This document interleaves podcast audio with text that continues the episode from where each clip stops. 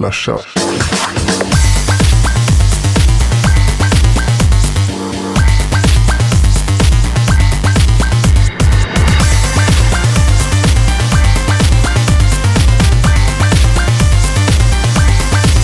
Slasha. Byxorna är av och ölen är öppna. Det är dags för en ny vecka med slashat.se. Din machete i teknikdjungeln. Och vilken teknikdjungel vi haft senaste veckan. Det har varit eh, bara fladdrat förbi nya produkter och gud vet allt. Och det är jag och det är min goda och bästa vän Jesper som ska lotsa det här eh, skeppet genom och in till hamn Jesper. Eller vad säger du? Precis, så är det och eh, du har ju helt rätt. Veckan har ju fullkomligt exploderat med nyheter. Eh, det har ju varit, eh, även utöver det här eh, Mobile World Congress, så har det faktiskt varit mycket nyheter på annan front också. Så vi har knappt hunnit med att skriva i samma takt som nyheterna har kommit. Genomsvett är man efter den här veckan. Lite så va? Mm. Ja, men då ska vi se till att gå igenom sakta men säkert, hand i hand med er, våra goda vänner och lyssnare, vad som har hänt. Men innan vi går in på de här eh, viktiga grejerna så har vi kanske den viktigaste public announcementen vi någonsin kommer att göra i Slashats historia. Så här ligger det till. Det finns barn. Den biten tror jag inte behöver förklara så jättenoggrant. Och det finns barn som får cancer. Barn som får cancer är det fruktansvärt synd om. Eh, och då har, är det så bra att eh, Gustavs mamma Anna, det fin- ni kommer få länkar sen i show notesen till exakt vad den här historien handlar om, startade en insamling till cancersjuka barn som ligger på Karolinska universitetet. Och man kan skicka in tv-spel och allt sånt där spännande. Och det här fick jag rekommendation från nudelsoppa.se om inte jag minns fel. Den killen som driver den bloggen. Att kan inte ni nämna det här i showen? Och det är självklart att vi ska uppmana alla våra lyssnare att skicka tv-spel, konsoler, handkontroller. Allting som ni tror att ett barn kan eh, ha kul av. Ett cancersjukt barn till, till, till och med. Då. Eh, skicka dem till eh, en adress som ni får också får i show notesen. För det här, det här känner jag, det här är någonting man måste ställa sig bakom. För att eh, att bli cancersjuk generellt sett är väl förmodligen väldigt tråkigt. Nu är jag inte det och det tackar jag för. Men eh, att vara barn och få en sån här dödlig sjukdom är inte alls roligt. Så att, eh, det blir lite seriös note här i början Jesper. Hur känns det? Jo, alltså först ska vi ju bara klargöra att eh, insamlingen som var egentligen från början bara pengar. Men det visade sig att de här pengarna går inte att, att rikta in på så specifika mål som just tv-spel till ungarna. Så det är faktiskt eh, sidan Bloggemup som har eh, kommit på den här tanken då att eh, vi skickar tv-spelsrelaterade saker till de här ungarna då. Och har fått med sig rätt stora spelare redan som har langat iväg saker. Eh, Microsoft Sverige, Nordisk Film, Activision, Megastore, till och med Bergsala har skickat iväg en Wii och sådär. Och vi ska inte ni gå och köpa en Wii och kasta iväg utan eh, det vi uppmanar till är väl i så fall att skicka gamla spel, sånt som man helt enkelt inte spelar längre. Precis, och det finns garanterat. Jag menar, jag har säkerligen 10-15 gamla PS1-spel som bara ligger och skräpar som några barn säkert skulle ha betydligt större nytta av än vad min låda har här helt enkelt. Så att eh, ni får länkar i show notesen och annat smått och gott hur ni ska hjälpa de här stackars barnen. Eh, projektet heter CAST tror jag. Eh, just det. Och står för någonting. Centrum för allo, allolo, jag vet inte, allogen stamcellstransplantation. Allogen. Stamcellstransplant. Allogen. Nej, Jag chansar där att det är så. Men eh, du säger att du har en massa PS1-spel liggande. Så jag vet med mig att jag har en, eh, minst tio stycken eh, Xbox-spel till första Xboxen som faktiskt är eh, i originalversion känns som man kanske bör nämna i det här fallet. Som jag Mm. inte kan spela ens i och med att Xboxen har eh, åkt ut i soporna. Så att, eh, det där buntar jag gärna ihop med dina spel så kan vi skicka ett litet slashat paket till dem.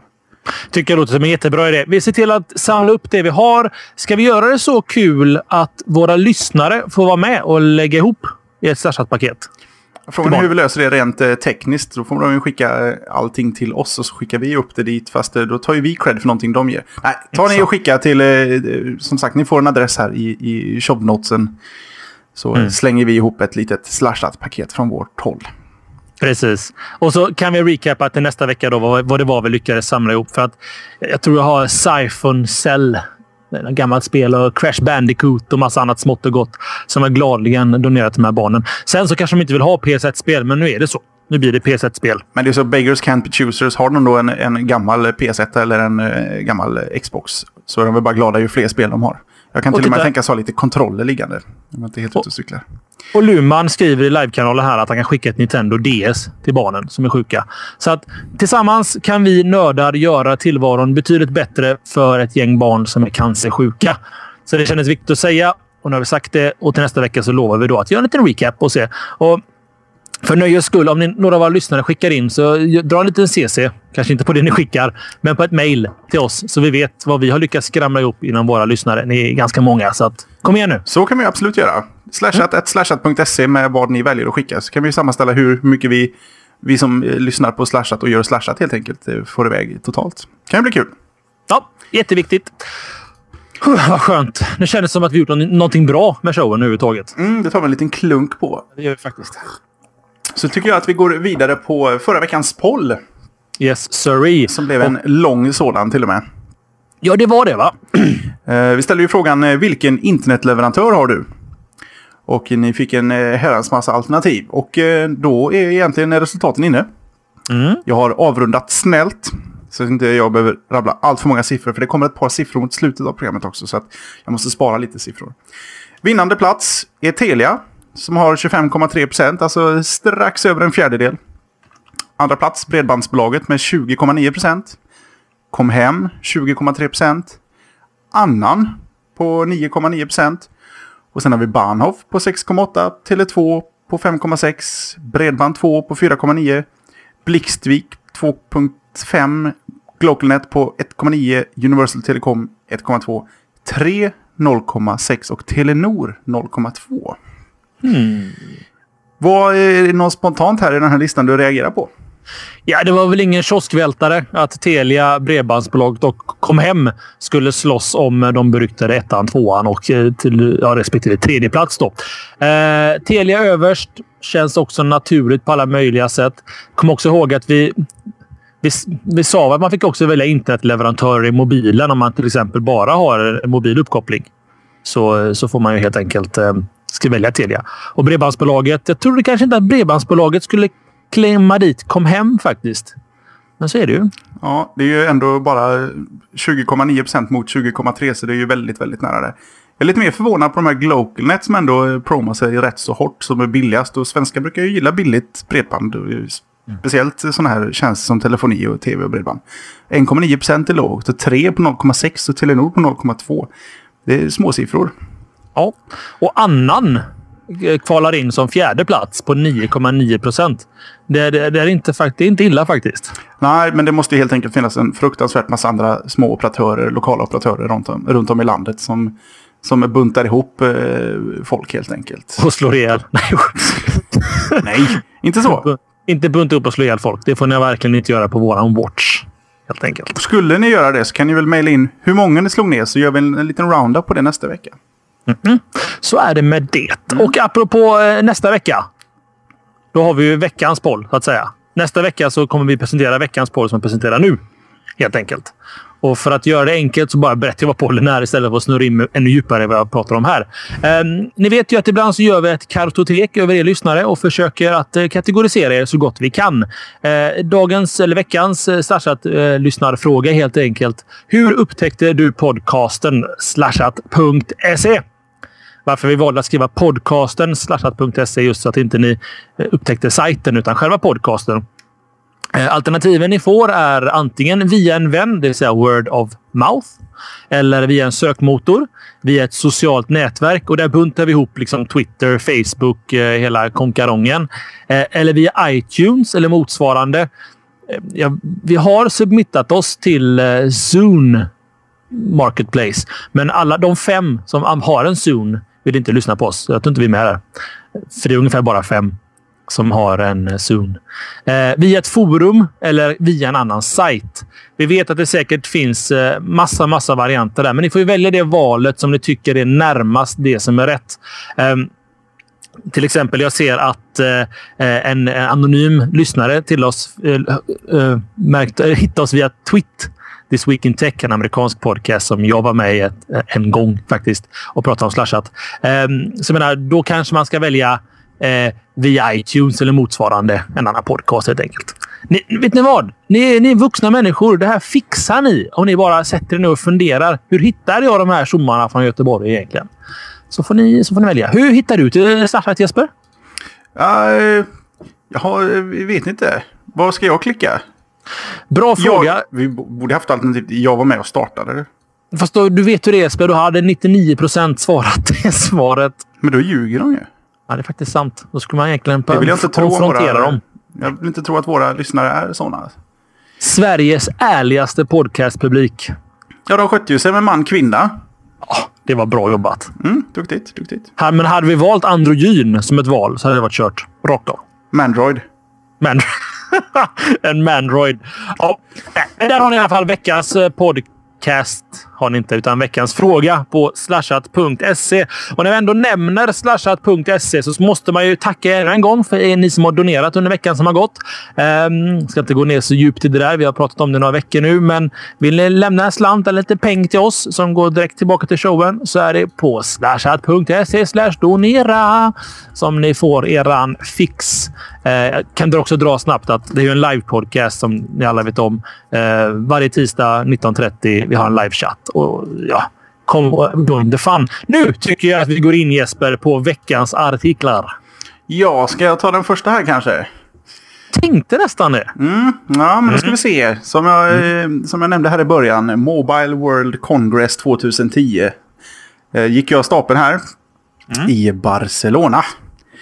Eh, och eh, där har det presenterats en hemskt massa roligt och nytt. Eh, Samsung kommer med något, något eget OS. Sony Ericsson kommer med en App Store och de kommer en massa nya mobiler. Men det, det roligaste så här långt, ja, det är ju helt subjektivt då från min sida, det är att Microsoft nu äntligen då presenterat Windows Phone 7 Series.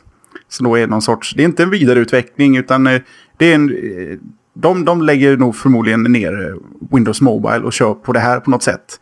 För att eh, som det ser ut nu då så är det här alltså en, en, helt ny produkt. Helt nytt utseende, helt ny funktionalitet. Och det finns ingenting från gamla Windows Mobile som hänger med till eh, det här OSet då. Och det är ända ner i koden. De har inte snott en enda kodrad därifrån. En if-sats kan jag lova att de har använt. En if-sats. Ja. Det kan jag gå med på. Och eh, vad är då det här Windows Phone 7 Series? Jo, eh, det, är ett, det har kommit ut en hemskt massa eh, hands-on videos och spesar och lite ditten och datten på vad det här fixar. Då. Så jag ska se om man kan komma igenom det som eh, ändå är eh, sagt. Man kan ju säga att Windows Phone 7 Series är ingenting som, som var, kom från en klarblå himmel. Utan det här har ju folk vetat om rätt så länge de bara väntar på att Microsoft egentligen skulle komma ut med det. Då. Men det är i alla fall ett, ett rent väldigt, väldigt snyggt eh, gran grafiskt gränssnitt. Eh, li lite flerdimensionellt sådär. Eh, saker flyger liksom lite framåt, bakåt, vänster, höger, upp, ner.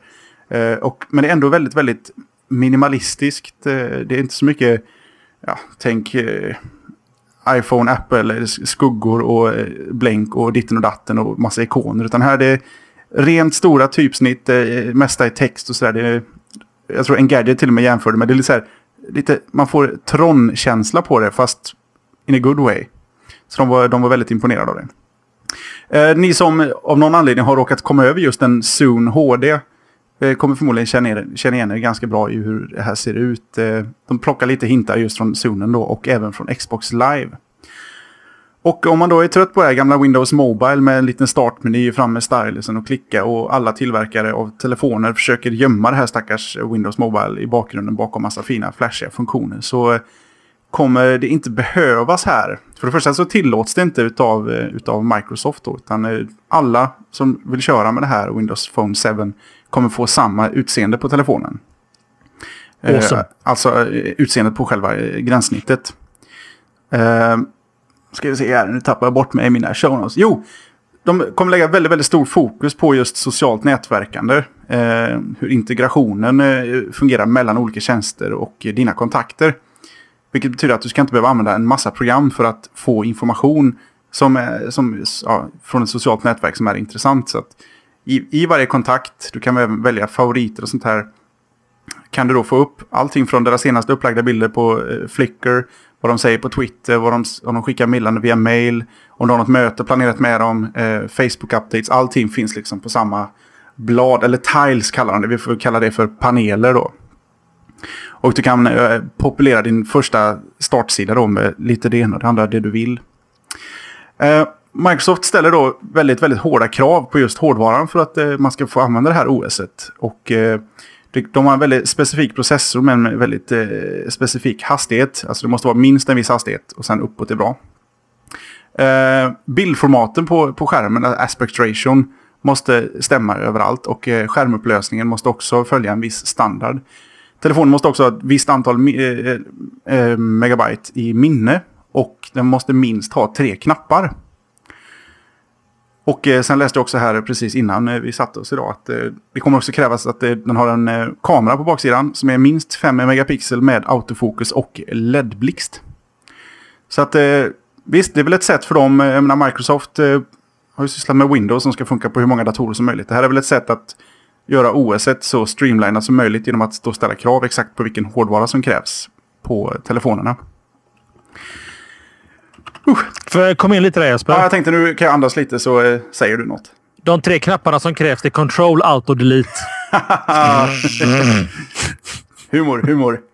Och det kom jag på helt själv här. Alltså, ja, frågan är om ja. du är först med den. Du får nästan eh, Ja. Patentera. ja, tweeta den först bara. Snabbt som fan. Jag kan Eh, faktiskt säga att det är en backknapp, det är en hemknapp och det är en sökknapp.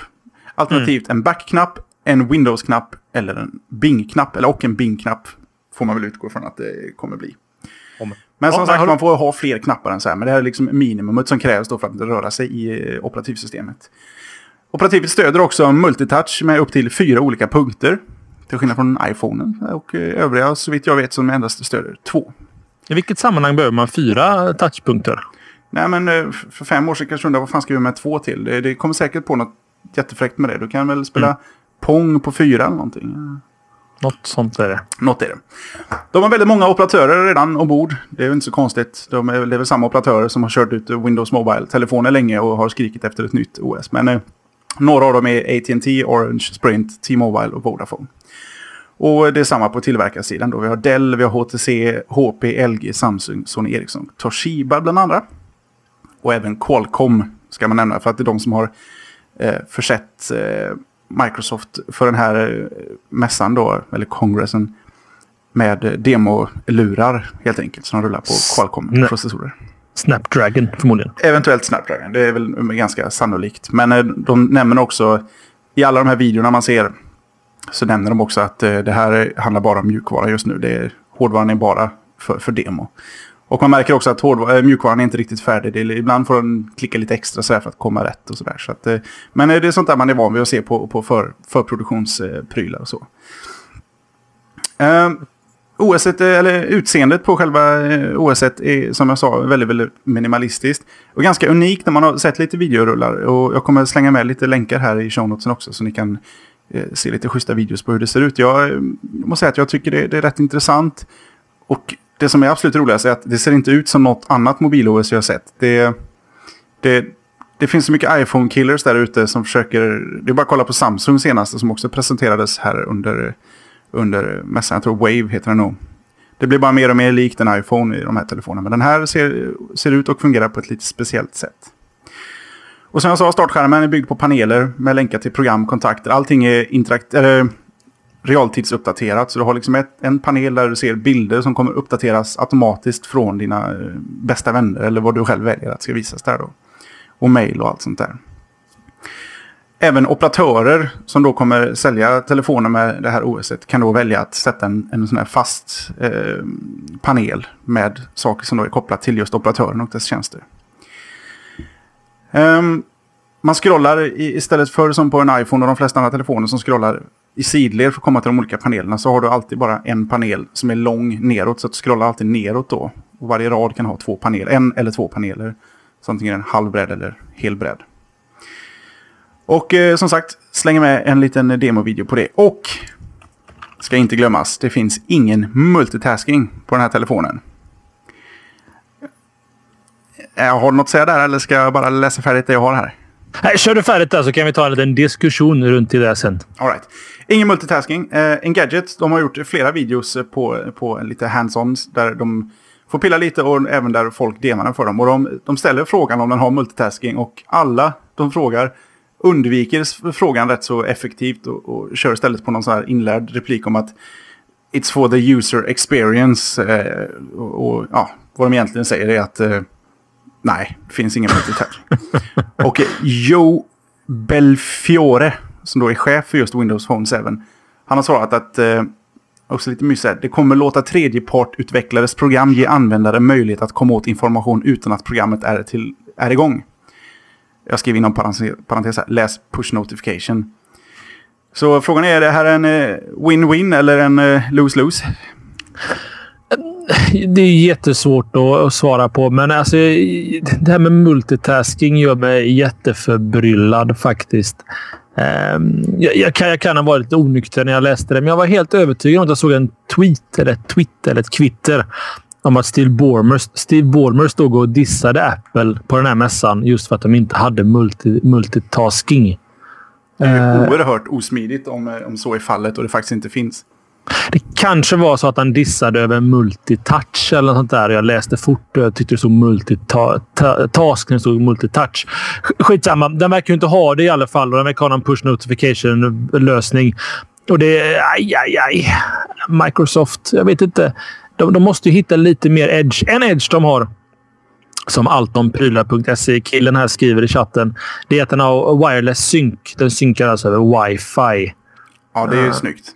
Det har det jag faktiskt snyggt. vid ett flertal tillfällen här nämnt att det, det skulle jag gärna vilja ha i, i just uh, iPhonen. Och ni kan bespara i mail där ni säger att vem vill synka första gången eh, över wifi med liksom 15 gig musik. Det är okej, okay, det är inte det vi är ute efter. Vad jag menar på är att när du väl har gjort huvudsynken och du har en inkre inkrementiell synk, så att säga, så, så då snackar vi alltså om ett, kanske max 100 megabyte och det, det fläskar den på över wifi utan problem. Så att... Eh, Tänk på att komma i närheten av din dator på jobbet eller den du synkar din iPhone med. Eller ja, iPhone i synnerhet. Det finns ju ingen wifi på eller, den stackars lilla iPoden. Men blup, och så är det klart. Då är det synkat och gött. Men vi får se. Har du kollat på videofilmerna utav, eh, av själva OS när det har demats? Har kollat på videofilmerna och eh, jag tycker att det, är kul. Precis som du säger, det är inte en iPhone-kopia utan de har försökt göra någonting nytt av interfacet.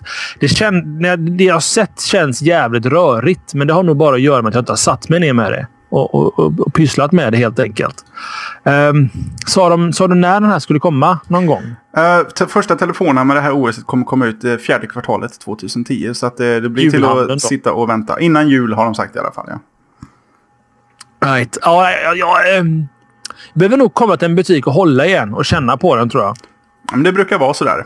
Men jag mm. måste säga att jag är förvånansvärt... Eh, jag känner den här köp-genen i mig och den här eh, lite iPhone-suget jag hade en gång i tiden. Eh, det ligger där och, och puttrar lite vid ytan och det är lite, jag är lite förvånad. För det är ändå en Microsoft-produkt. Det är inget jag normalt sett går igång på överhuvudtaget. Det kan också vara den här klassiska lilla buzzen man får för att anknyta till ett ämne längre fram här. När en ny produkt kommer liksom och det är mycket snack omkring det och sådär. Man ser demos och sådär. Så att då blir man mer intresserad. Sen så lugnar det ner sig med tiden. Vi får se. Men jag, när jag, jag såg dem bläddrade i deras eh, bildvisare då. Och även i deras mejlklient. Det ser så sjukt mycket trevligare ut än i, i iPhonen. För iPhonens mejlklient vinner ju inga priser. Nej, det gör den inte. Det är mycket den inte vinner pris på. Äh, det, det, alltså det största problemet också med iPhonen det är egentligen Apple.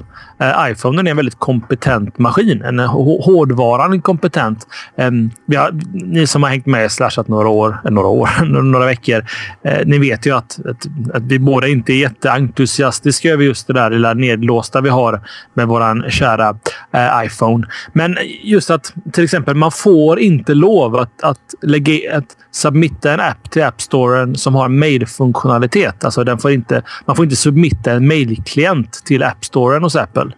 För att det interferar med deras egen mailklient. Du får inte heller av samma anledning eh, submitta en, en kalkylator. Du får inte submitta en eh, adressbok och så vidare och så vidare och så vidare. Um, och det, det, har ju just att göra med att att, att, att, du får inte göra en bättre mjukvara än vad Apple har gjort. Och det är synd för att eh, mailklienten lämnar så mycket att önska i, i, i iPhone. Ska vi släppa Windows eh, 7 eh, eller Phone 7 tills vidare? Mm.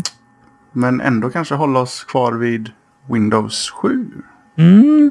Det var ju så, ni som var med i förra veckan här, så var Jeppe jätteduktig och gjorde ytterligare en samhällstjänst och förklarade helt enkelt att det är dags att uppgradera er RC-version av Windows 7. Jag tuffade till mig lite som PC-killen i familjen. Tyckte att lilla Apple-pojken, nu får du ta det lite lugnt här så funkar det inte alls. Eh, nu visar det sig naturligtvis då att exakt så funkar det, som Jesper sa. Helt korrekt allt han sa. Så att från och med den 15 februari, det vill säga igår, måndagen den 15, det vill säga vi spelar in det här den 16 februari, så kommer den Windows 7 RC-versionen då ge en varning. Och sen är det så analt att från 1 mars så kommer PCn börja stänga av sig själv. Vill du komma in förresten här Jeppe och, och glota lite? Ja, PC-kille my ass. Ja, så, jag är nöjd med det. Ja, jag tar det bara. Jag, får, jag borde ta det här. Eh, nej, så från och med 1 mars drygt om två veckor så kommer din dator börja stänga av sig varannan timme. Eh, och den är så dum då att den, eh, den bara stänger av sig. Det blir ingen varning att nu har du bara fem minuter kvar utan pff, den dör helt enkelt. Så vad kan du göra? Det som Jeppe gick igenom förra veckan. Jag recapar det en gång till så alla är med. Eh, det bästa du kan göra är att köpa en ny retail-version av Windows 7. En app upgrade eller en OEM.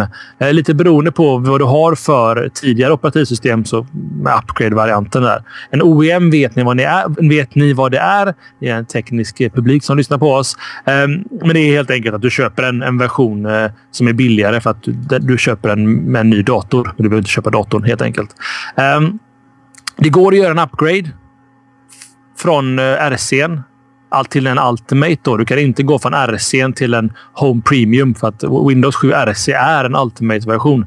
Så du måste nämligen ha en ehm, en, en, en, en Ultimate-version. Då. Men det rekommenderas inte från något läger egentligen att man ska göra det. Man kan fulhacka, ändra en liten fil och så godkänner Windows upgraden. Men eh, be a man eller en woman eh, om du är så. Se bara till att installera om den. Eh, ni kan även köra såklart den crackade routern eller routern och eh, riskera att få virus. Det ska inte låta som någon, eh, någon som säger att man får virus automatiskt, men det finns en och annan eh, sajt som exploaterar det faktum att många letar efter den här typen av crack just nu till Windows 7. Så att var lite försiktiga om ni går med den vägen. Vi rekommenderar det inte såklart, men eh, så, ja, gör vad ni vill. Ni kan köra en time nuker vilket eh, är samma sak där. Att du njukar den här time-saken. Att den fortsätter att funka, den här versionen, ändå. Men även där, inga länkar från vår sida och det är en ren djungel med vad som är virus och crap och vad som faktiskt funkar. Eh, så som jag skrivit i mina show notes. I korthet, ta det som en man eller en kvinna. Köp en OEM eller retail och installera om datorn. The free ride is over. Eller installera Linux, Ubuntu eller köpa en Mac tänker jag nog inte rekommendera. Det är alldeles för mycket pengar för för lite candy. Får cyniker Jesper komma in här lite? Får man. Du har ju öppnat upp för en helt nytt sätt att, vi, att göra ämnen för slashat nu. Så nästa vecka så kan jag ta något av dina ämnen där du faktiskt har rätt om någonting. Så säger jag allting en gång till. ja, faktiskt. Jag vill, det, det blir onödigt här. Jag håller med. Nej, men du, du, du drar ju ändå till lite info. Jag fick ju inte med att det var just Ultimate endast eh, vilket jag i och för sig hade kunnat räkna ut om jag hade varit lite ja, smart. Clever. Ja, mm. precis. Mm. Ja, nej, det, men eh, jag ville bara understryka det. Och i och med att jag, jag tuffade till mig förra veckan och sa helt andra grejer så är det bättre att jag, vi, vi går ut helt enkelt. Eller jag går ut helt enkelt och gör en avbön inför våra lyssnare. Så nu, nu kan vi bara släppa det här. Då tycker jag vi kliver över till förra veckans eh, stora bass på onsdagen. Mm. När det helt plötsligt fullkomligt tok-exploderade på bloggar och på Twitter och på Facebook. Att Warner Music lämnar Spotify. Eh, ja, ryktena gick ju helt klart eh, vilda då. Och många hann att posta eh, långa, långa rader om varför Warner suger, varför Spotify suger, varför alla suger, varför Mac suger. Folk fick in tillfälle att skriva det också. Varför eh, back suger? Ja, men det, folk, folk var så upprörda så det, det, var, ja. det var inte sant. Och det, var, det berodde på en, eh, en ganska taskigt skriven artikel. Jag tror att det var BBC, ni får rätta mig om jag har fel i chatten här. Eh, men det, vad det egentligen handlar om det är att för det första ska vi säga att vdn på Spotify, Daniel Ek, han lyckades någonstans mellan två flyg i USA tweeta iväg att nej, det här är inte sant. Och då började väl folk lugna ner sig lite grann sådär. Men vad det handlar om det är alltså att Warner, på, Eh, Warner Music ska vi säga, på sikt ska börja omförhandla alla kontrakt de har med tjänster som ström, strömmar musik just eh, gratis då. Som Spotify Free till exempel. Där allting är ju reklamfinansierat då. Eh, det handlar egentligen om att Warner Music inte tror på, på affärsmodellen att eh, sälja musik mot eh, reklamintäkter då. Men det här ska då jobbas, jobbas, ja det är det de siktar på liksom, det är deras plan. Men eh, just nu så kvarstår alla Warners eh, avtal med gratis strömmande tjänster. Det är bara att i framtiden så vill de ju väldigt gärna att folk betalar för musiken. Så vi får väl se hur det där går. Vad, eh, du måste ju ha hört det här någonstans. Var det något du reagerade på? Glad, ledsen? Didn't give a shit? Hur kände du? Nej, alltså... Eh, man, tar, man, man lär sig bli lite cynisk på nätet. Liksom. Man tar saker med en nypa salt. Om, om, om en Facebookgrupp ska ge två kronor per medlem till Haitis offer så inser man att det har någonting med koprofagi att göra eller förmodligen någon form av... Vad fan var det? Inte kleptomani. Vad var det de pysslade med i slutändan? Lik. Nekrofili. Nekrofili. Tack så mycket. Mm. Någon fili var det i alla fall. Eh, och man, man tar det med lite ro och eh, när man väl fick alla, all info på bordet så var det ju inte så illa. Eh, sen, sen så är det alltid roligare för en tidning eller ett, ett nyhetsoutlet att vara eh, lite sensationell i det avseendet. Speciellt på internetvärlden när man har liksom en, en window av typ en, två minuter per användare som de läser faktiskt. Så att... Bäh. Äh, kör bara. Det var inget eh, i övrigt. Du, du gjorde dig inte upprörd över att Warner eventuellt skulle ramla ur Spotify? Nej, egentligen inte. Alltså, nu är jag så dåligt in the music loop här, men Warner, är inte de film? Ja, inte Warner Music. De släpper musik. De är en av världens största skivbolag.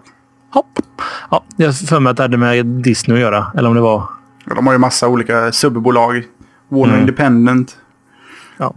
Time Madonna Warner, säger Tico här i eh, chatten. Så att jag, får, jag får väl undvika Madonna. Nej, det var ingenting. Och då ska jag ändå säga att jag har faktiskt blivit en stor konsument av Spotify på senare tid. Men du betalar inte för det?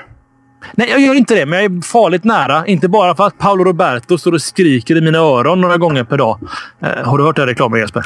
Nej, jag använder inte Spotify. Så att, eh, men det känns ju som att det är en klar anledning att antingen lägga av eller uppgradera. Det kanske är så de har tänkt.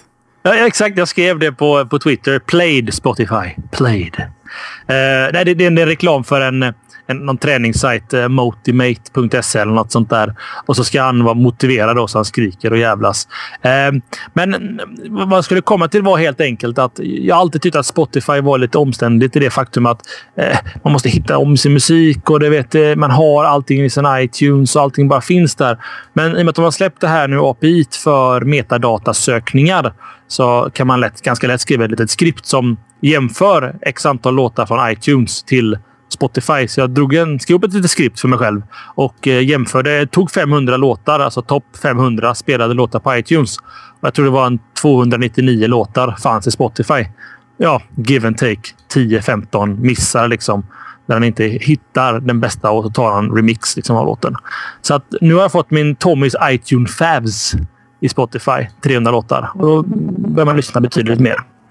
Helt enkelt. Ja, jag fick ju, du hjälpte ju mig att, prova den där tjänsten. Det funkar väl inte riktigt lika bra hos mig som dig. Men eh, visst, det var kul att, på, ett, på ett sätt som antingen Spotify eller iTunes. Ja, iTunes lär inte göra det, men att Spotify tillhandaser en, en sån grej. Det känns som någonting de skulle kunna vinna på för att göra övergång lite enklare för de som ändå är redo att lämna iTunes.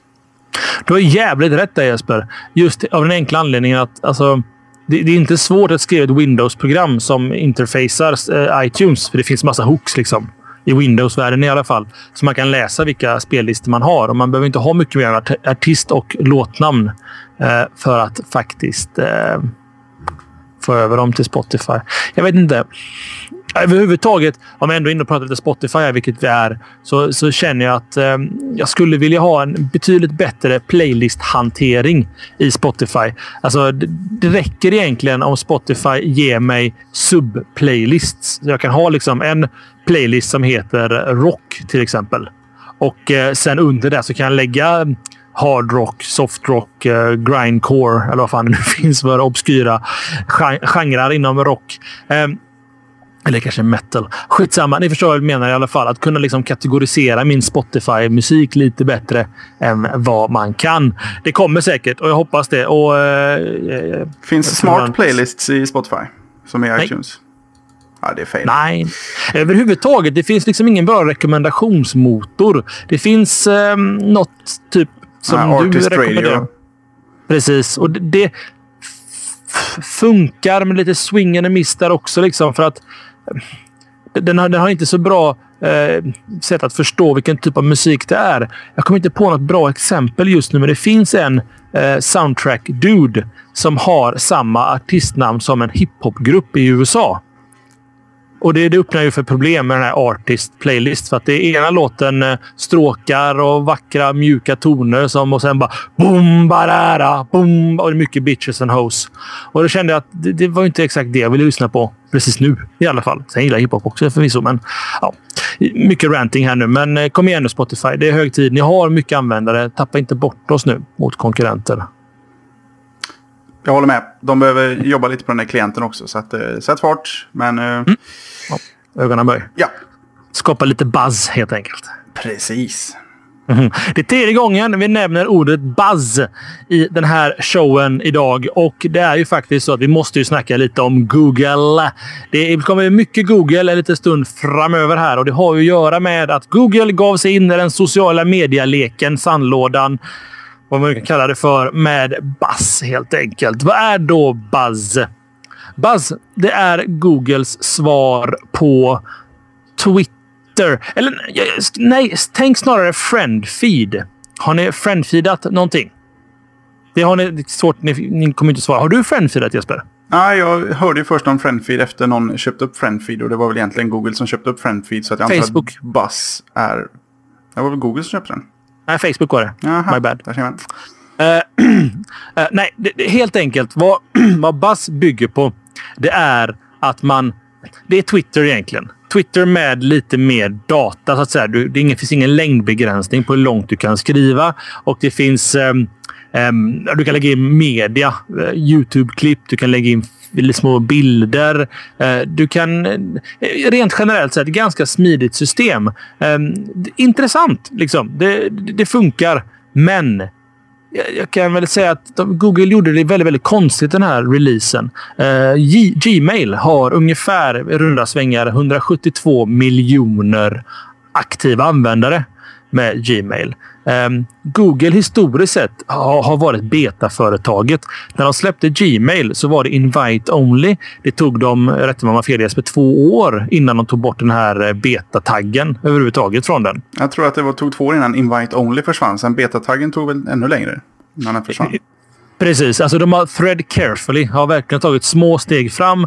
Flaggat högt och tydligt, högt och lågt att det här är en, en, en ny produkt. Och man har myst fram lite. Med eh, Buzz så var det helt enkelt så att en morgon när folk vaknade, loggade in på sin Gmail, så kom de inte till Gmail. De kom till en mellansida där det stod “Welcome to Buzz.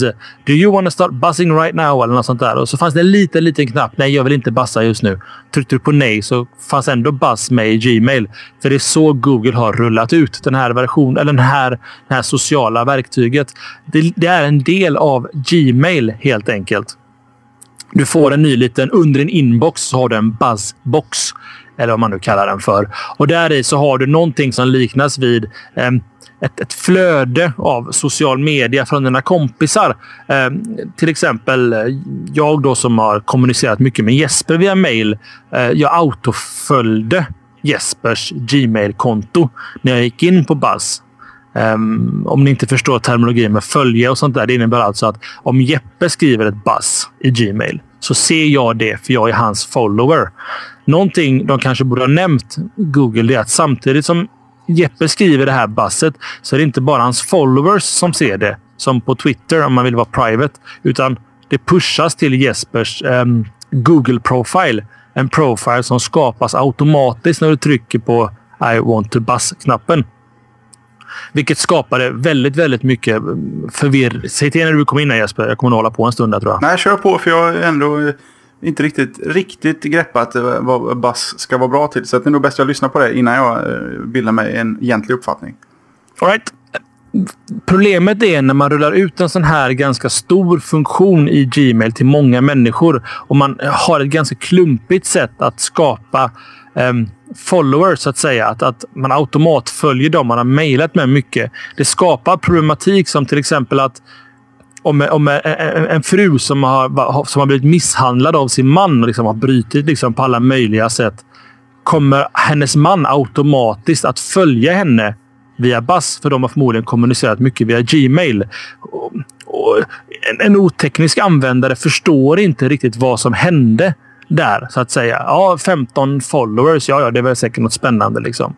Också det där att det går publikt ut till internet som Google indexerade sökmotorer är också väldigt, väldigt dumt gjort. Rent generellt så är jag lite besviken på Google. De brukar ha eh, ganska bra koll på sådana här grejer. Det funkar inte helt, helt hundra. Och det var det negativa om Buzz som jag har att säga om Buzz. Det finns mycket positivt om Buzz. Ett, det är 110% öppna standarder. Det finns ska uttrycka mig. Det, det, finns inga caveats. Det finns liksom inga begränsningar på något sätt. De använder PubSub Hubbub. De använder alla de här bra protokollen, OAuth och allt sånt där by default. Eh, vilket innebär att man kan, man kan använda Buzz-nätverket för att bygga egna Buzz-applikationer så att säga. Inte bara som läser av Buzz utan faktiskt även vi kan skapa ett eh, slashat Buzz-nätverk i princip. Som jag har förstått det. Inte citera för mycket här. Det är fortfarande ganska tidigt ute i projektet. Så vad är då Buzz bra för Jesper? Varför ska vi bassa? Det vet jag egentligen inte om jag ska vara ärlig. Nej, men det är väl ungefär som med Twitter. Man vet inte riktigt var, varför man ska börja. Nu när vi har hållit på med Twitter ett tag, då, då kommer det ju naturligt. Liksom. Men eh, i början var det ju väldigt svårt att, att själv förstå poängen med det. Det finns egentligen ingen poäng med det. Man bara go with the flow. Mm. Ja, och, och jag förstår varför Google vill komma in i den, i den, här, den här sfären. Det är just för att de, de, vill, de vill komma åt den här live-feeden. Vi har pratat om det lite tidigare också i den här showen. Just att vi... Eh, eh att man, man vill ha den här firehosen av information. Eh, man kan till exempel väga data ganska enkelt. Om, om många pratar om OS i Vancouver på Twitter så är det rätt sannolikt att OS i, pågår just nu i Vancouver. Och Då kan man se till att putta upp de sökresultaten när någon söker på Vancouver, till exempel i Googles sökmotor. De betalar idag dyra pengar till Twitter för att få den typen av information i realtid. Och de vill göra det själva. Eh, vad jag hoppas på att Buzz kommer bli, det är fortfarande inte helt färdigt. Man, man kan till exempel inte skriva till Buzz än via, via, via en öppen standard. Men det menar jag på att man kan liksom inte... Man, för att kunna buzza så måste du göra det via Gmail än så länge på ditt konto. Eh, när det väl släpps sen via OAuth och allting så tror jag att man kommer att se mycket program som konsoliderar, för att använda lite floskler, alla dina social feeds in i Buzz. Det innebär alltså att alla, alla dina Facebook-kompisar saker kommer in i Buzz. Eh, du kan uppdatera Twitter och allting från Buzz och sånt där. Men det kommer i framtiden. Men, men det är svårt att svara på Jesper. Varför man ska bassa? Jag, jag vet inte. Det är på samma sätt som Twitter var för mig ganska... Jag skapade mig ett Twitterkonto för många år sedan. Jag lät det ligga i två år utan att egentligen fatta vad jag skulle göra med det. Nu twittrar jag varje dag. Du lägger rätt stor tilltro till just Buzz när du tror att eh, när det här väl öppnas upp eh, med de här olika protokollen. Att det är där allting kommer samlas. Mm. Eh, för det första, Twitter är ju för det första fruktansvärt stort. Det ska man inte glömma. Och jag, jag kan nästan sätta en liten slant på att Google har försökt lägga ett bud på Twitter och förmodligen nekats på den fronten. Vad jag inte förstår riktigt det är... Visst, du behöver ett konto för att twittra, men du behöver ett, ett mailkonto för att köra, eh, köra det här. Eh, att Basse måste göra det inifrån Gmail just nu. Och det krävs mm. alltid ett, ett Google-konto. Och här i och för sig, det kanske jag ska lägga lite på mig själv. Jag äger ju faktiskt egentligen inget Google-konto jag använder. Jag har ett Gmail-konto som, som jag tar slaskmail, registreringsmail och sånt där till. I övrigt så har jag liksom ingen användning. Um, jag har inget Google-konto faktiskt. Det kan ju vara det som är lite besvärligt. ja, nej, något som är ännu besvärligare för mig det är att jag har bundit alla mina grejer till, till app, um, vad heter det? Uh, Google Apps, om ni vet vad det innebär. Eller App for Domains. Det innebär att min Tommy.nu-domän är en Google Apps-domän. Och det kontot går inte att använda, va? Nej, inte än. Det kommer inom några månader. Mm. Buzz kommer till de kontona. Jag har varit i kontakt med Google och frågat varför. Och de svarade just det att eftersom så många företag idag kör apps så vill man inte rulla ut det här till alla företagsanvändare. Buzz då. Av anledningen till det som de Luggis nämner här och Ustreamer, en anonym användare, var en chatt. Att Buzz är väldigt kopplat till eh, till, till vart du är, till, till, till GPS och sånt där. Så att till exempel så kan du välja i din iPhone, om du går in på buzz.google.com så kan du, och du loggar in med ett Gmail-konto, så kan du säga vilka bassar runt omkring mig just nu. Och då får du upp eh, Google Maps egentligen med små pratbubblor. Vad de säger runt omkring dig. Det är imponerande faktiskt. Det är ett väldigt smart system att göra det på. Och Jag kan tänka mig att det är inte många månader kvar innan du kan gå in i en restaurang i Göteborg. I Göteborg till och med. Inte New York, utan Göteborg. Och du kan liksom bus recommendations for this place och så kan man se historik. Vad har folk bassat om precis det här stället som man sitter på just nu? till exempel så hade jag och Jeppe en skräckupplevelse när vi käkade på Storan, uteserveringen i somras. Och då tweetade Jesper, eller twittrade Jesper, gå aldrig hit det försvinner lite sorgligt, så det finns ingen historia. Det var det stället nu är på. Ja, just det. Ja. Det som Jeppe skrev försvinner lite sorgligt av på Twitter. Liksom. Um, nästa, men hade det varit ett bass istället så hade man kunnat gå dit och kolla vad alla hade bassat om exakt det stället som man sitter på just nu. Och nu vet ni detta, säger Anatis här i livekanalen. Och nu vet ni det. Gå inte dit och käka mat. Men så jag ser på det. Alltså jag, jag, ser det som en bra, bra grundplattform, en grundbult att stå på för en mobil plattform eller en flexibel mobil plattform för sociala medier kanske, eller sociala uppdateringar. Um, men de rullade ut alldeles för brett. Det skulle vara opt-in på Gmail i alla fall ett halvår till och fått oss tech-entusiaster att börja använda det. Sen sakta få igång det här API eller de öppna standarderna så vi kunnat skriva så att till exempel TweetDeck eller Tweety har stödet när stora mängden kommer liksom användare. Um, bit too quickly. Det är väl lite så jag känner också. Eh, jag menar, Google måste ju ha känt till problemet med, eh, med Twitter. Att folk kan ha lite svårt. Det är svårt förklarat. Det är svårt att eh, förklara vad man ska göra. Hela den biten. Och, och även när Buzz kom. Jag menar, jag är ändå inte helt jävla puckad. Så jag, jag borde ju inte ha några problem att förstå det här. Jag, jag vet ju ungefär vad, vad poängen går ut på. Men det är inte på något sätt tydligt exakt vad, vad syftet med det. De skulle absolut ha hållit på det lite och förädlat den mm. lite mer innan de slog ut den. Jag får lite Google Wave-vibbar här. Att jag känner att det är säkert ascoolt, men eh, hur det ska appliceras är inte klargjort riktigt än. Men det... behöver, mo behöver mogna lite. Ja, eller framförallt få med tech-communityt. Alltså, det är samma som med Twitter. Uh, Twitter i början var för technördarna. Även jag och Jeppe kom igång med det till slut. Och, och vi drar dit. Alltså, vi, vi är förtrupper infanteri egentligen för den gemene man. Men nu sitter de flesta då med ett Twitterkonto. Det är mycket tack vare att vi teknikanvändare börjar använda det. Man såg trenden med Twitter. Först var det the core users. Sen började te några teknikmänniskor börja använda det. Och nu sitter liksom världens största artister och använder detta för att det är där folket är. Google borde ha vetat bättre faktiskt och eh, myst in det här. Sen har vi mycket folk som frågar om Google Wave. Och Google har svarat på det och sagt att Google Wave kommer att integreras in i Buzz på ett snyggt sätt. Att man kan gå liksom från eh, en Buzz-konversation till en Wave-konversation seamlessly på något vänster. Det, det, kommer senare, men det är det som är problemet. Det är senare hela tiden. Eh, jag är nästan lite besviken. Jag kan också nämna att jag satt här precis innan vi satte oss för att spela in här och följde Googles egna lilla presskonferens på eh, just eh, Mobile World Congress. Eh, ett, ett 30 minuters framförande av Eric Schmidt. Där han egentligen inte erbjöd någonting annat än att Google tror på mobila lösningar i fortsättningen. Så allting kommer hända i mobilen och hur allting ska vara seamless och sådär. Så att, att, att allting kommer... Alltså jag är rätt övertygad om att Gmail, Buzz, eh, Wave och eh, allting kommer så småningom eh, liksom morfas ihop till en riktigt, riktigt smidig lösning. Det är bara lite svårt att se den eh, the big picture som det är just nu. Mm. Ja, verkligen. Och det, som vi var inne på innan, det känns kanske tyvärr lite som att Google själva inte har 100% koll på vart de vill ha. De har säkert en långt gående plan över tio, tio närmaste åren. Både vad Wave och Buzz borde hamna. Liksom.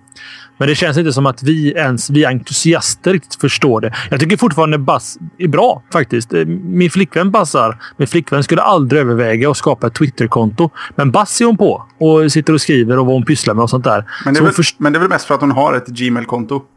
Exakt. Hon, hon har använt Gmail i många år och, och känner sig bekväm, väldigt bekväm med det där. Så att eh, vi får se vad som händer. Det blir en spännande vår i alla fall och se hur det här artar sig. Men synd, ännu en gång, jag tror det är fjärde gången jag säger det, synd att det var en så bred utrullning eller en rollout så tidigt. Vi skulle haft lite, lite mer, eh, lite mer, lite mer andningsutrymme här kanske Jesper. Kanske. Och apropå andningsutrymme så behöver man andas mycket när man åker skidor. Ja, nu puttar du in mig Ja, på ett jag- ämne jag- som jag egentligen skulle hoppa över och ta lite senare här. För jag skulle göra kopplingen sociala medier. Men eh, någon annan gång. Ah, en Ja, gång. då tar vi den. Eh, SVT Play har ju till slut hittat ut. Jag tänkte bara egentligen nämna det lite kort för er som eh, var med och noterade SVTs ganska så, ja inte så effektiva men ganska så uppmärksammade kampanjen där. Att eh, ja, dearstevejobs.com var det väl till och med. Eh, Korrekt. Och de blev ju nekade första gången för att de sände med för hög kvalitet. Men det där fixade de väl snabbt och slängde ut eh, en ny version. Och nu är den då uppe. Och eh, ja, den gör det den ska göra. Du kommer åt allt SVT Play-innehåll. Eh, det funkar på iPhones och eh, iPod Touch. Dock inte 1G-versionen av iPod Touch. Eh, av anledning att... Eh, eh, vad var det de skrev nu? Det behövs en mikrofon av någon anledning. Och eh, folk spekulerar om det kanske bara är en ren bugg från SVTs sida. Så att eh, det där kan eventuellt fixas i framtiden. Och eh, utöver just det innehållet i SVT Play så, så det finns väl en, eh, en anledning. Förmodligen så har den väl varit godkänd en tid men den har släppts nu lagom till OS. För det är också en av de här featuresarna. Du kan alltså följa OS live ifrån SVT Play. Och Jag kollade upp det förresten Jesper, om jag får lite snabbt här. Mm. Eh, man kan få en app approvad, men sen vänta med att släppa den till App Storen. Det var så eh, S- TV4 Play gjorde. Eller var det TV3 Play? Att de visste att SVT Play var på G.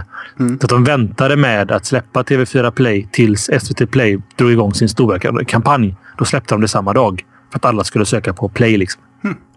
smart. Så nu- Sneaky ja. men smart. TV4 säger King Level att det var. Mm, det är nog TV4. Man kan ju bara säga om eh, appen generellt. Den är, den är snygg och den eh, gör det den ska och det funkar. Och även livesändningar funkar bra och eh, jag rekommenderar det. Och för bövelen, glöm nu inte att se till att ni har fri dator om ni ska köra det här på 3G-nätet. Annars blir det en riktigt nasty surprise.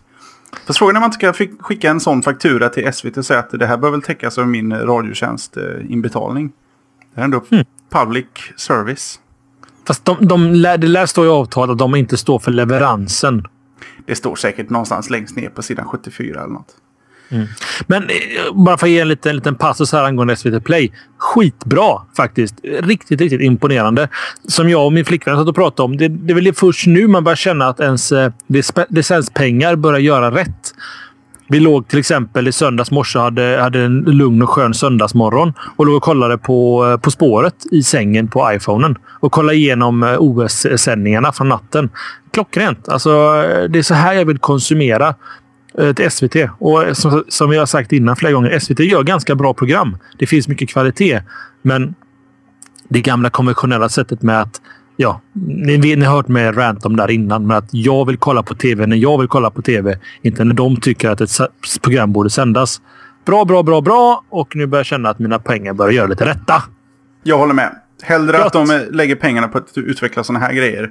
Än att de ser till att få ut eh, sista säsongen av Varuhuset på VHS. Meningslöst. Ja. Ut med det på Play, så de som vill konsumera det kommer konsumera det. Ska jag, ska jag studsa vidare Jesper, så kan jag ta ett Facebook-ämne här. Det kan du göra. Facebook släpper XMPP-stöd för sin chattlösning. Ehm, man kan chatta på Facebook. Det har ni säkert noterat. Eh, Då menar jag inte skriva i folks, på folks wall. Utan man kan, nere i högra hörnet så kan ni få upp en kompislista. Nu i vänstra hörnet för övrigt i den nya versionen.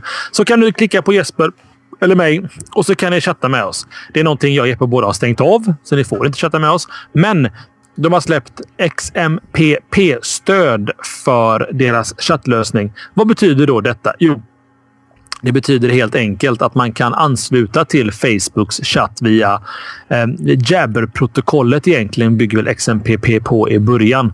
Så att man kan med Pidgin, Adium, Jabber och alla de andra IM-klienterna som stöder XMPP så kan alltså använda den vanliga in Windows eller Mac-klient eh, för att chatta med Facebook-kompisar.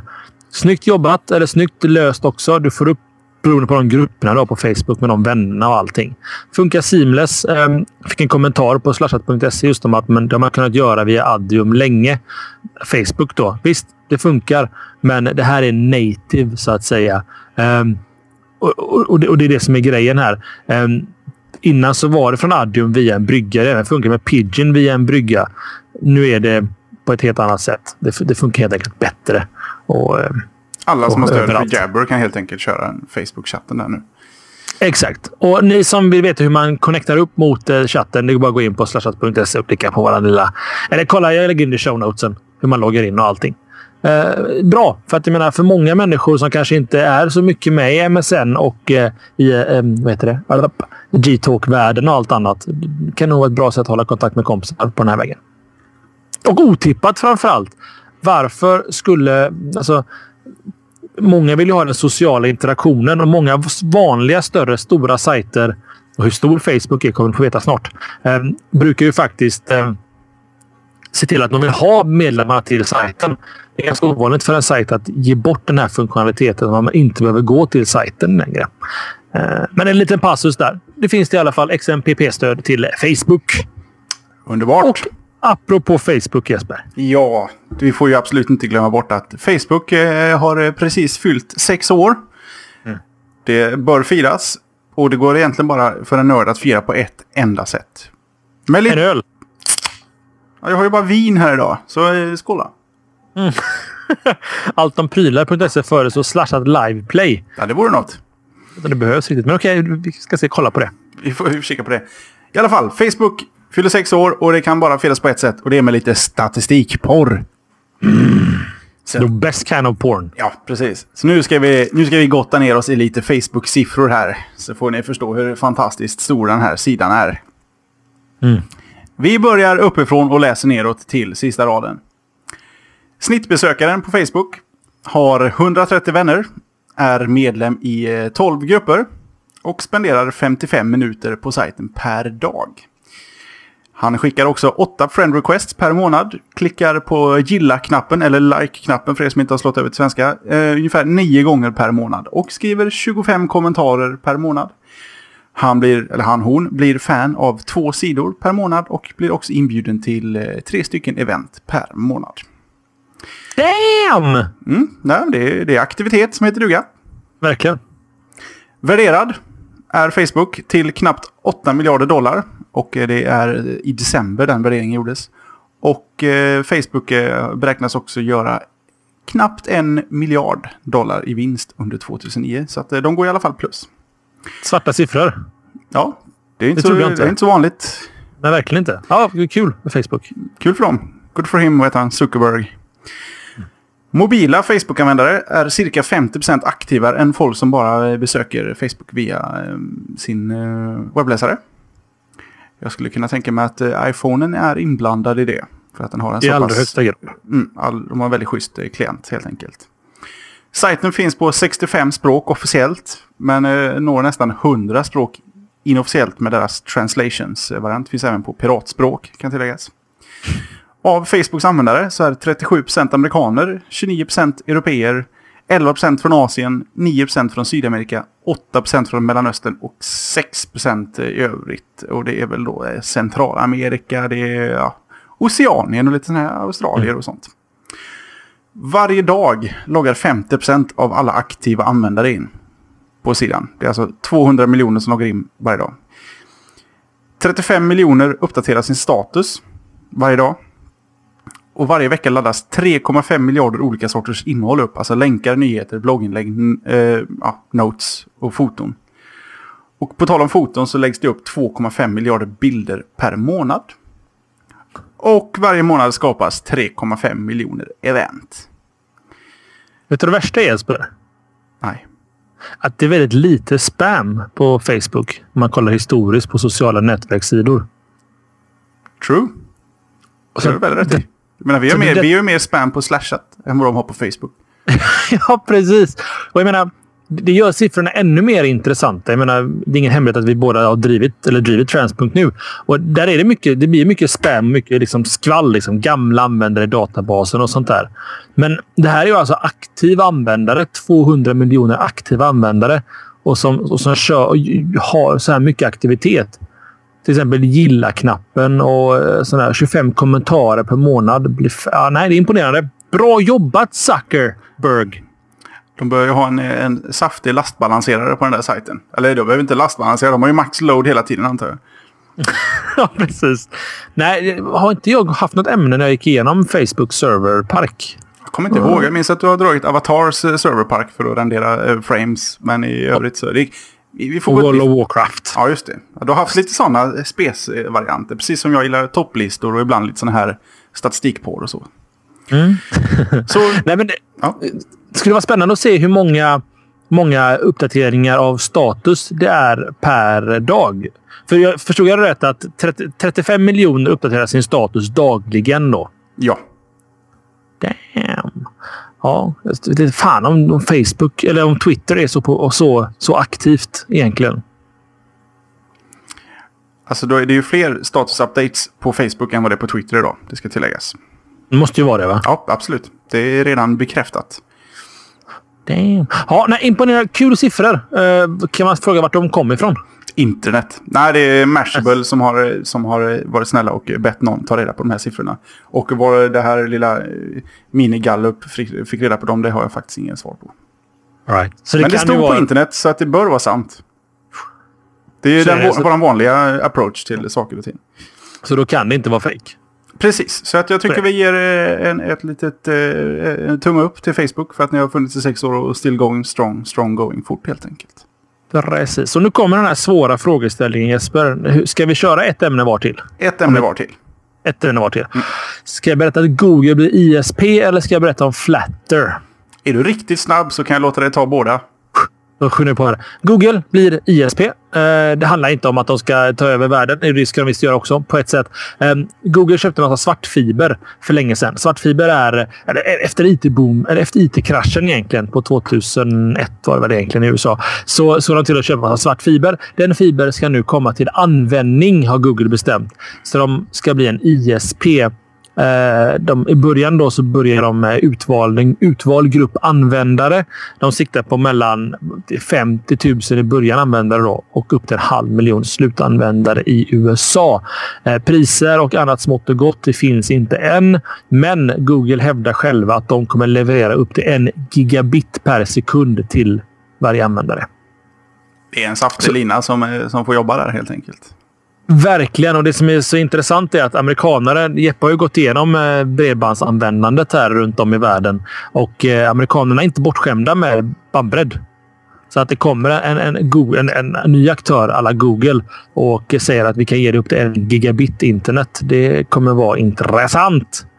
Kan jag tänka mig. Får se vad det tar vägen. Det var en viktig grej att säga. Ska jag ta mitt andra också här nu Jesper, när ändå är i farten? Ja, tuta på.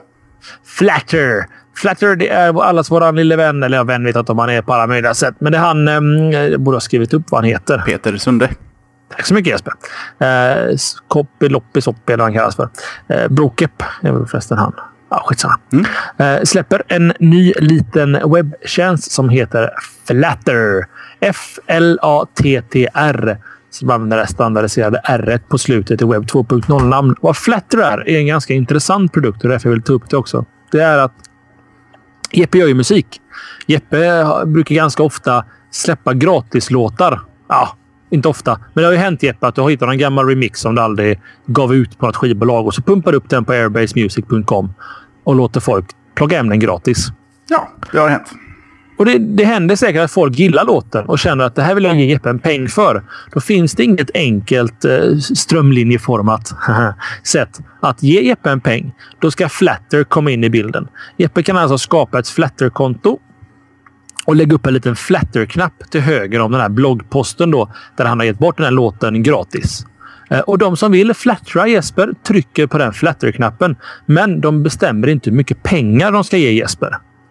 Och här kommer det briljanta i systemet. Flatter bygger på en, en flat rate-system. Så namnet, ordet flatter kommer från flat rate och flatter, det vill säga eh, att, att, eh, att, eh, att jag skriver upp något fint här. Smicker, att smickra någon. Säg att du har 20 kronor i månaden vill jag lägga på flatters. Att säga.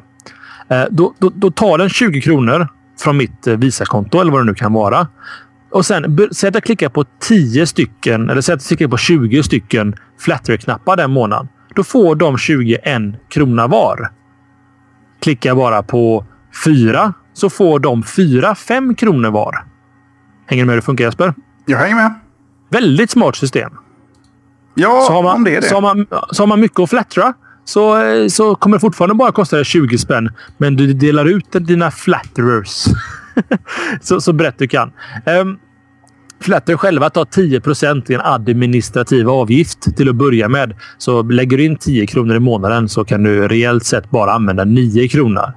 Kronor. Kronor i Flatter. Ehm, de, har för, de har för avsikt att sänka den här kostnaden. Ehm, bra idé, tycker jag spontant. Vad tycker du spontant Jesper? Jag tycker det är en rolig idé. Ehm, det vore kul om det tog fart. Jag menar, vi har ju sett eh, storband som Radiohead och, och Nine Inch Nails köra varianter med ladda ner vårt album gratis och betala vad ni tycker det är värt. Och det här är ju en lite mer organiserad form där du alltid vet hur mycket du kommer kosta. Jag tror till och med att 20 kronor är minimum du kan lägga per månad. Eller 2 US dollars tror jag de har satt.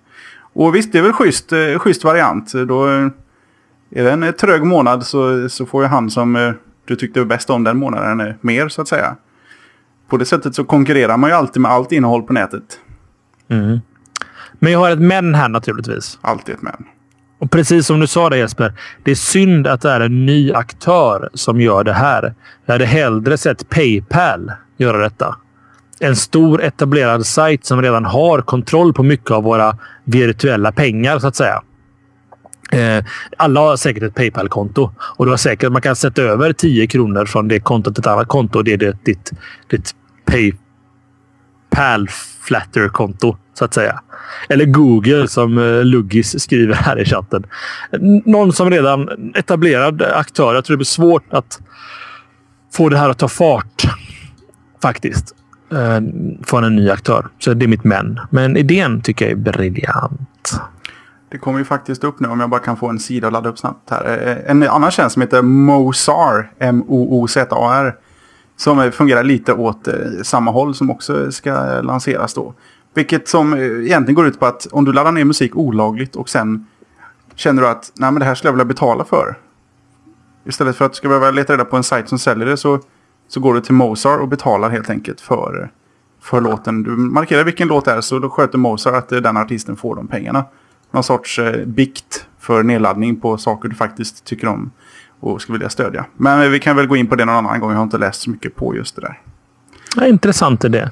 Men det var som Snigel 1 säger, det var en livekanal här, att eh, eh det finns ett visst motstånd hos konsumenter att betala i förväg än vid just impuls. För att ofta så får du upplevelsen när du väl sitter där och skriver, eh, läser det här blogginlägget eller lyssnar på din låt att åh, fan vad bra! Vad kul att han går bort den. Nu vill jag ge en peng att, att innan varje månad liksom tro att du kommer lägga 20 kronor på det här. Det, eh, bra poäng där från Snigel 1. Från livekanalen. Live från kanalen. Faktiskt väldigt bra. Jag, jag, har inte tänkt på det på det sättet. Men eh, jag tror han har helt rätt. Det är väl därför skivbolagen har så svårt att hänga med. Och det är ju därför, jag menar, jag har inte stuckit under stolen här med att jag kanske har lyssnat på musik och sen betalar för det jag verkligen tycker är bra. På ett sätt man, man vill man vill man vill veta vad man betalar för. Förr har det ju varit lite en chansning liksom. Okej, det var en bra singel på den skivan. Så köper man hela skivan och så insåg man att det var crap. Mm. Och det är ju också på väg att döda hela albummarknaden tror jag i det långa, eh, på lång sikt. Folk lite... vill inte betala för saker de inte vet om de vill ha. Lite extended trial på något sätt. Att, att um, på samma sätt som jag, jag kan också säga att det finns säkert något, någon mjukvara jag använt som jag kanske inte har betalt för. Men är det bra nog att använda så är det bra nog att betala för. Um, och då, då, betalar man för det. Liksom. Så enkelt svårare än så ska det inte vara. Och Det är också därför jag menar att jag tror att det har varit så mycket bättre om faktiskt Paypal kommer med den här funktionen. Det är sant. En sajt som redan har lite av mina pengar. Att, nu finns ju en donate-funktion naturligtvis, även på slashat.se donera.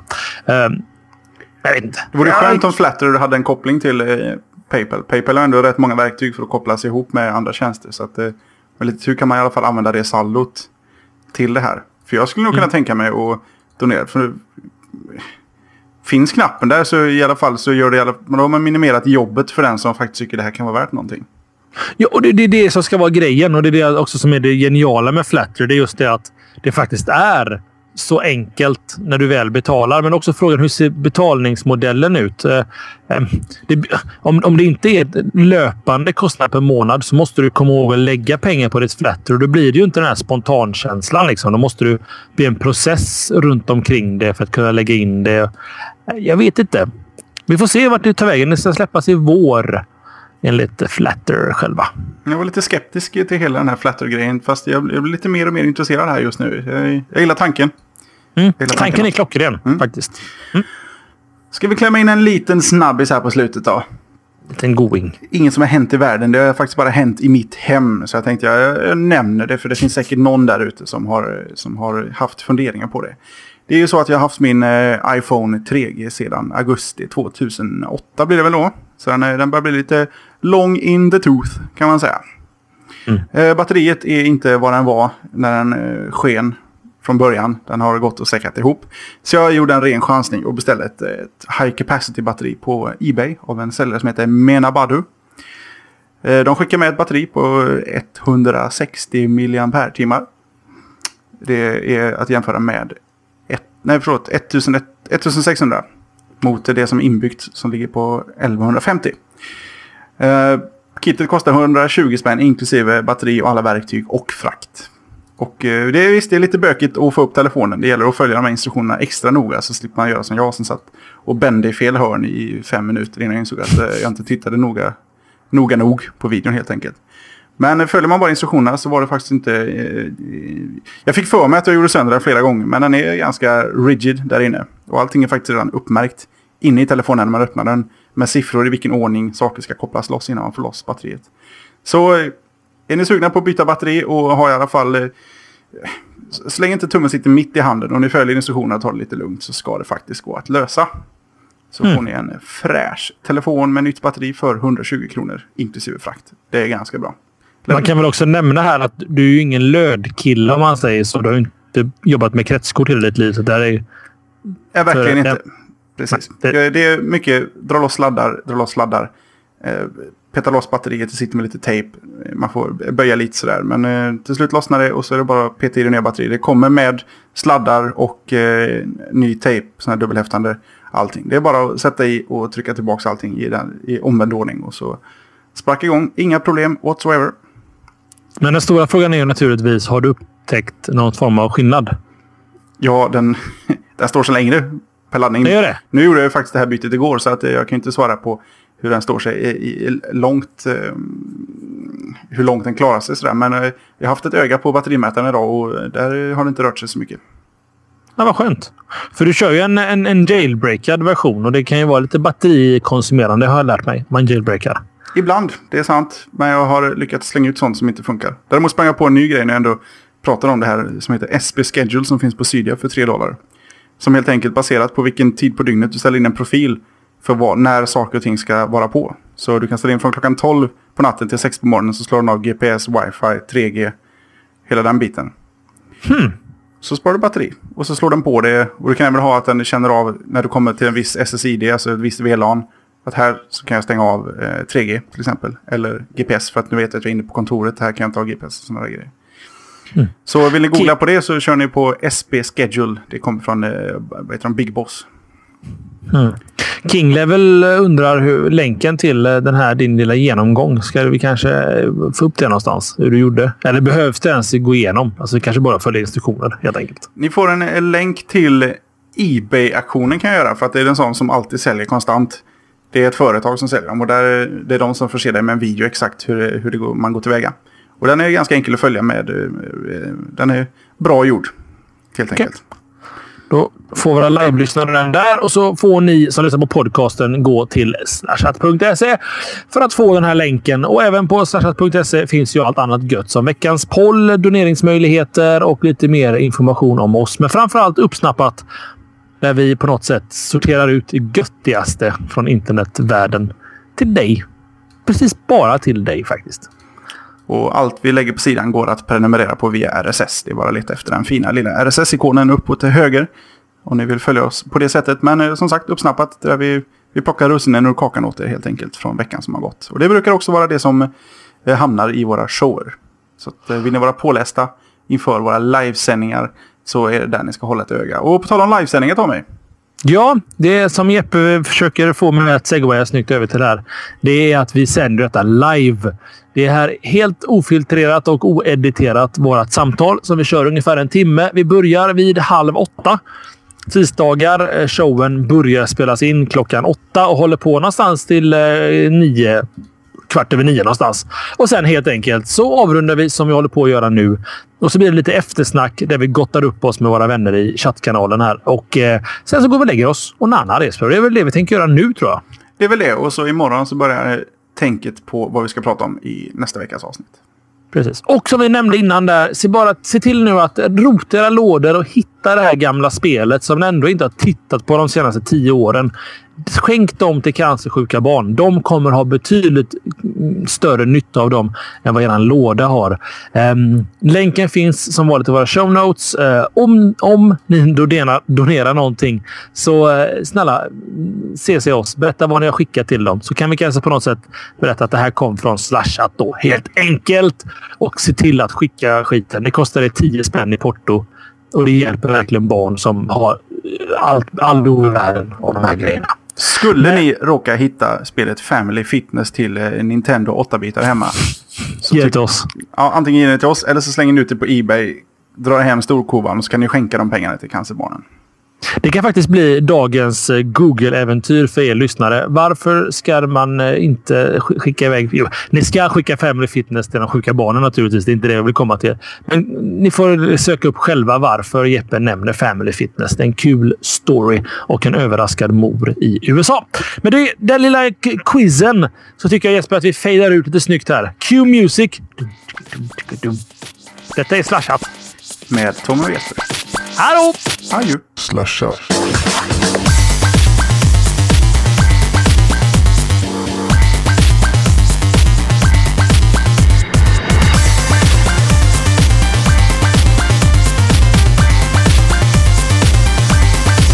Slashat.